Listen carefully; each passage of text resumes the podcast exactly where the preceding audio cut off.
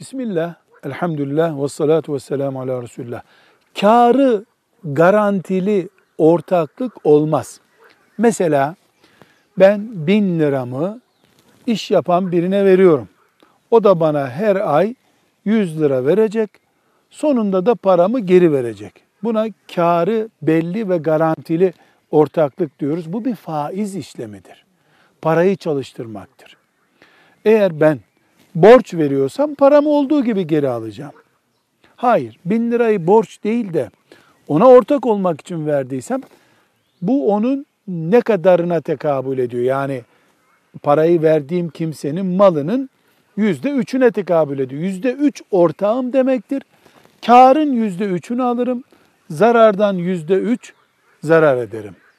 Buna ortaklık denir. Öbürüne faiz işletmeciliği denir. Caiz olmaz. Velhamdülillahi Rabbil Alemin.